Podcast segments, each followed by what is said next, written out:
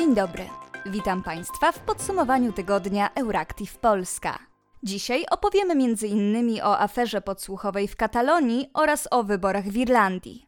Nazywam się Patrycja Gosk, a w wirtualnym studiu jest też Bartosz Sieniawski.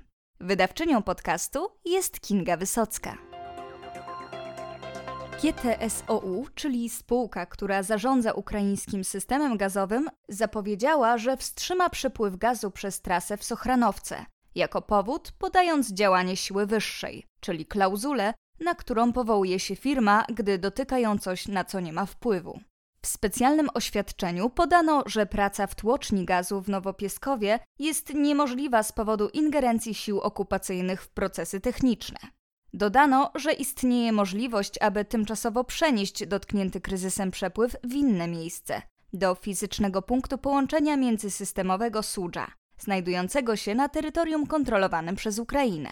Jednak Gazprom, który ma monopol na eksport rosyjskiego gazu rurociągami, stwierdził, że przesunięcie wszystkich wolumenów do punktu połączenia w Sudży, jak zaproponowało GTSOU, jest technologicznie niemożliwe. Ukraina wciąż pozostaje głównym szlakiem tranzytowym rosyjskiego gazu do Europy. Stacja kompresorowa Nowopskow w obwodzie ługańskim na wschodzie Ukrainy jest okupowana przez siły rosyjskie i separatystów od czasu, gdy Moskwa rozpoczęła specjalną operację wojskową. Unijna komisarz do spraw partnerstwa międzynarodowego Jutta Urpilainen stwierdziła na poniedziałkowym seminarium w Helsinkach z okazji Dnia Europy, że państwa, które głosują w ONZ za Rosją albo wstrzymują się od głosu w sprawach dotyczących Moskwy, nie powinny być karane. Unia musi patrzeć dalej niż trwająca wojna w Ukrainie i powinna wzmacniać globalne partnerstwa, uważa fińska komisarz. Jak powiedziała, wykluczone jest, by z powodu popierania bądź odmowy potępienia Rosji Unia pozbawiła pomocy finansowej najsłabiej rozwinięte kraje. W 2020 roku na pomoc rozwojową dla takich krajów Unia wydała 67 miliardów euro. Nie uważam za właściwe zacieśniania partnerstwa poprzez nakłanianie innych państw do europejskich wartości. Nie należy dopuszczać do polaryzacji między Zachodem a resztą świata. Nie przysłuży się to ani samej Finlandii, ani Unii Europejskiej, oceniła Urpilainen. Jej zdaniem, dziś priorytetem dla Unii Europejskiej powinno być zapobieganie globalnego kryzysu żywnościowego, jaki grozi światu w związku z wojną w Ukrainie. Dodała, że podczas gdy Unia Europejska udziela pomocy humanitarnej Afryce, dla samego bloku jedynym rozwiązaniem pozostaje jak na razie promowanie rodzimej produkcji żywności kwietniu kanadyjski ośrodek badawczy Citizen Lab, który ujawnił w ostatnich latach kilka głośnych przypadków używania na świecie szpiegowskiego programu Pegasus przeciw działaczom społecznym i politycznym oraz dziennikarzom, potwierdził, że w ten sposób inwigilowano też co najmniej 63 aktywistów z Katalonii. Ponieważ potwierdziły się informacje o tym, że Krajowa Służba Wywiadowcza podsłuchiwała między 2017 a 2020 rokiem kilkunastu działaczy niepodległościowych w Katalonii programem szpiegowskim Pegasus, premier Hiszpanii odwołał szefową CNI. Z początku hiszpańskie Ministerstwo Spraw Wewnętrznych zaprzeczyło, jakoby korzystało z oprogramowania oferowanego przez izraelską spółkę NSO Group ale w ubiegły piątek podczas posiedzenia parlamentarnej Komisji do Spraw Bezpieczeństwa szefowa CENI, Paz Esteban, potwierdziła, że jednak 18 katalońskich działaczy było podsłuchiwanych Pegasusem. Obiektem inwigilacji mieli być m.in. członkowie separatystycznej organizacji Tsunami Democratic, która w latach 2019-2020 wielokrotnie organizowała manifestacje oraz zamieszki na terenie Katalonii, a także kluczowi politycy regionalnych ugrupowań politycznych, ale także czołowi katalońscy działacze polityczni, jak przewodniczący parlamentu Katalonii Roger Torrent czy premier autonomicznego rządu Per Aragones. Sprawa ta wywołała w Katalonii oburzenie, ale politycy republikańskiej lewicy Katalonii, którzy mają też 13 posłów w ogólnokrajowym kongresie deputowanych, zażądali od premiera Pedro Sancheza dymisji w kierownictwie CNI.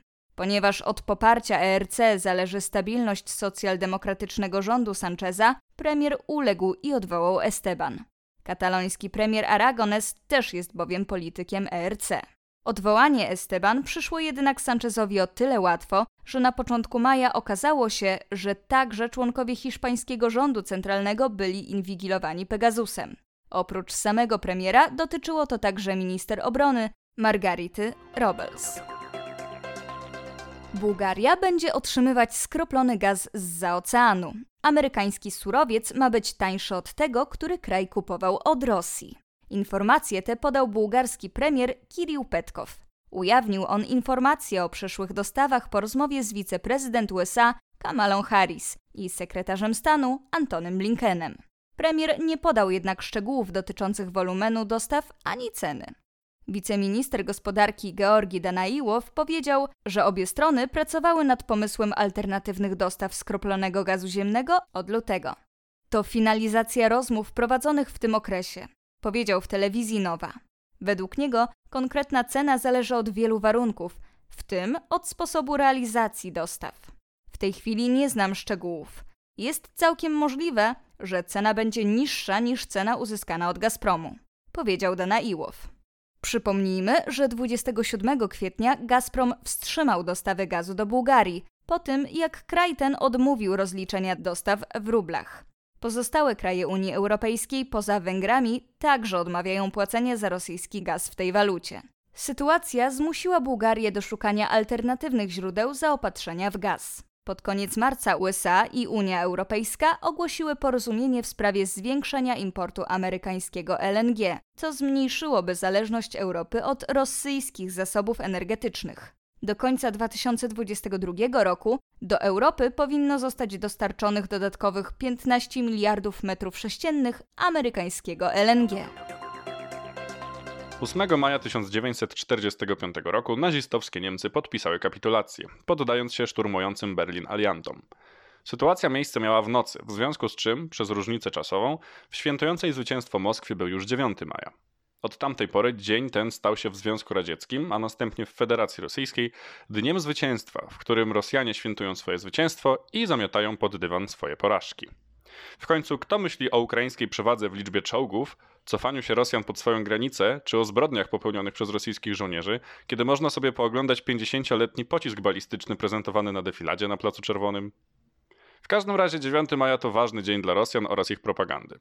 W tym roku jednak defilada w centrum Moskwy była skromniejsza niż w latach poprzednich.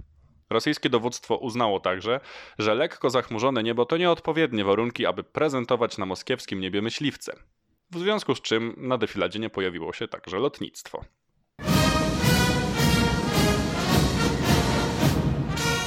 Эти дни вы сражаетесь за наших людей на Донбассе, за безопасность нашей Родины, России. Россия дала упреждающий отпор агрессии.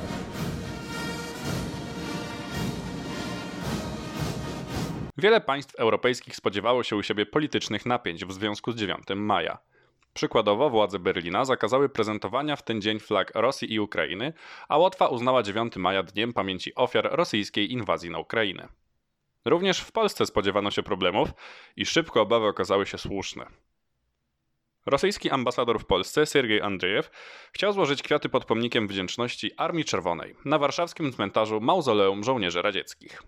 Ceremonię zakłóciło kilkaset protestujących osób. W którymś momencie w rosyjską delegację zaczęto rzucać balonami z czerwoną farbą. Jeden z balonów trafił Andrzejewa w twarz. Dyplomata ewakuował się samochodem, choć nie wyglądał na zaskoczonego sytuacją. Ubrudzony farbą, jeszcze na miejscu, sytuację komentował tak. Jestem dumny z mojego kraju i z mojego prezydenta.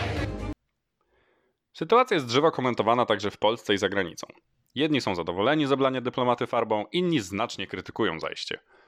Polskie Ministerstwo Spraw Zagranicznych wyraziło ubolewanie, że do sytuacji doszło. Jego rosyjski odpowiednik domaga się od Polski zorganizowania dobrze chronionej ceremonii złożenia kwiatów pod pomnikiem, a jego rzeczniczka Maria Zacharowa nazwała uczestników demonstracji przy pomniku Armii Czerwonej neonazistami. 11 maja w odwecie niezidentyfikowani Rosjanie oblali czerwoną farbą bramę polskiej ambasady w Moskwie. I tak właśnie Polacy z Rosjanami oblewają się farbą już któryś wiek. Litewski parlament jednogłośnie przyjął uchwałę, w której uznał Rosję za kraj siejący terroryzm, a inwazję na Ukrainę nazwał ludobójstwem. Litewscy deputowani z Sejmasu, odpowiednika polskiego Sejmu, uznali, że celem Rosjan jest zniszczenie narodu ukraińskiego i złamanie ducha Ukraińców poprzez zabijanie całych rodzin, w tym dzieci, oraz porwania, dopuszczanie się gwałtów i bezczeszczenie zwłok osób zamordowanych. Federacja Rosyjska, której siły zbrojne celowo i systematycznie bombardują cele cywilne, jest państwem, które wspiera terroryzm i dopuszcza się go. Litwini proponują powstanie Międzynarodowego Trybunału Karnego dla rozliczenia rosyjskich zbrodniarzy. Wyrażenie swojej opinii o Rosji przez litewskich parlamentarzystów jest oczywiście jedynie symboliczne, ale w sytuacji, w jakiej obecnie znajduje się Ukraina, nawet takie wsparcie jest konieczne. Tymczasem Rosja jest coraz bardziej izolowana na zachodniej scenie politycznej. Choć największym przeciwnikiem geopolitycznym Rosji jest ogólnie pojęty Zachód, nie tylko kraje znajdujące się na Zachodzie wprowadzają sankcje wobec Moskwy. Mowa tu o Japonii, która już w marcu wprowadziła pierwsze ograniczenia gospodarcze nałożone na Rosję. Teraz premier Japonii Fumio Kishida zapowiedział, że jego kraj będzie stopniowo odchodził od ropy importowanej z Rosji. Polityk decyzję rządu ogłosił na wideo spotkaniu przywódców państw z grupy G7. W spotkaniu udział brał także prezydent Ukrainy Wołodymyr Zełański. Politycy podjęli decyzję, że na Rosję należy nakładać kolejne, coraz surowsze sankcje. To bardzo trudna decyzja, lecz jedność G7 jest teraz najważniejsza, podkreślił Kishida. To rzeczywiście trudna decyzja. Japonia w kwietniu odeszła już od rosyjskiego węgla, co rzeczywiście może stwarzać problemy temu wysoko uprzemysłowionemu państwu, które samo nie jest zbyt bogate w złoża paliw naturalnych. Póki co Japonia nie wstrzymuje swoich inwestycji gazowych współprowadzonych z Rosją. Republikańska irlandzka partia Sinn Féin wygrała lokalne wybory w Irlandii Północnej. Zgodnie z traktatami pokojowymi między Irlandią a Wielką Brytanią będzie musiała rządzić wespół z prolondyńskimi unionistami. Jednak po raz pierwszy w historii irlandzcy nacjonaliści zwyciężyli w brytyjskiej części wyspy. Warto zwrócić uwagę, że Sinn Féin, choć jest partią nacjonalistyczną, jest również lewicowa i progresywna, w przeciwieństwie do narodowo-konserwatywnej, demokratycznej partii unionistycznej. Pierwszym ministrem Irlandii Północnej, to jest odpowiednikiem premiera w lokalnym rządzie, zostanie republikanka Michelle O'Neill. O'Neill jest także wiceprzewodniczącą Sinn Féin. Today represents a very significant moment of change.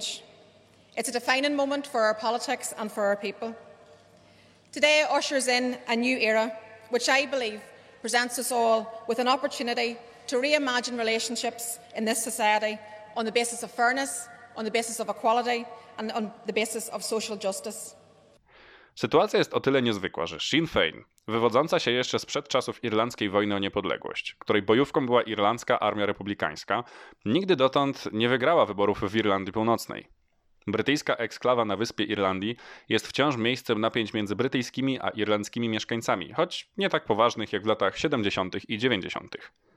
Republikanom, których głównym politycznym celem jest zjednoczenie Irlandii Północnej z irlandzką ojczyzną, nie będzie łatwo rządzić, gdyż będą się musieli dogadać z, unio z unionistami. Analogicznie ich przewaga w lokalnym parlamencie na północy Irlandii z pewnością będzie problematyczna także dla Wielkiej Brytanii. Problematyczne dla konserwatywnego rządu w Londynie jest także to, że we wszystkich poza Anglią krajach wchodzących w skład Wielkiej Brytanii rządzi teraz lewica. Każdy z trzech pierwszych ministrów ze Szkocji, Walii i Irlandii Północnej w jakiś sposób właśnie ją reprezentuje. Pierwsza ministra Szkocji, Nicola Sturgeon, należy do lewicowej Szkockiej Partii Narodowej, a pierwszy minister Walii, Mark Drakeford, do Walijskiej Partii Pracy. To już wszystko w dzisiejszym podsumowaniu tygodnia redakcji Euractiv Polska. Życzymy Państwu miłego weekendu.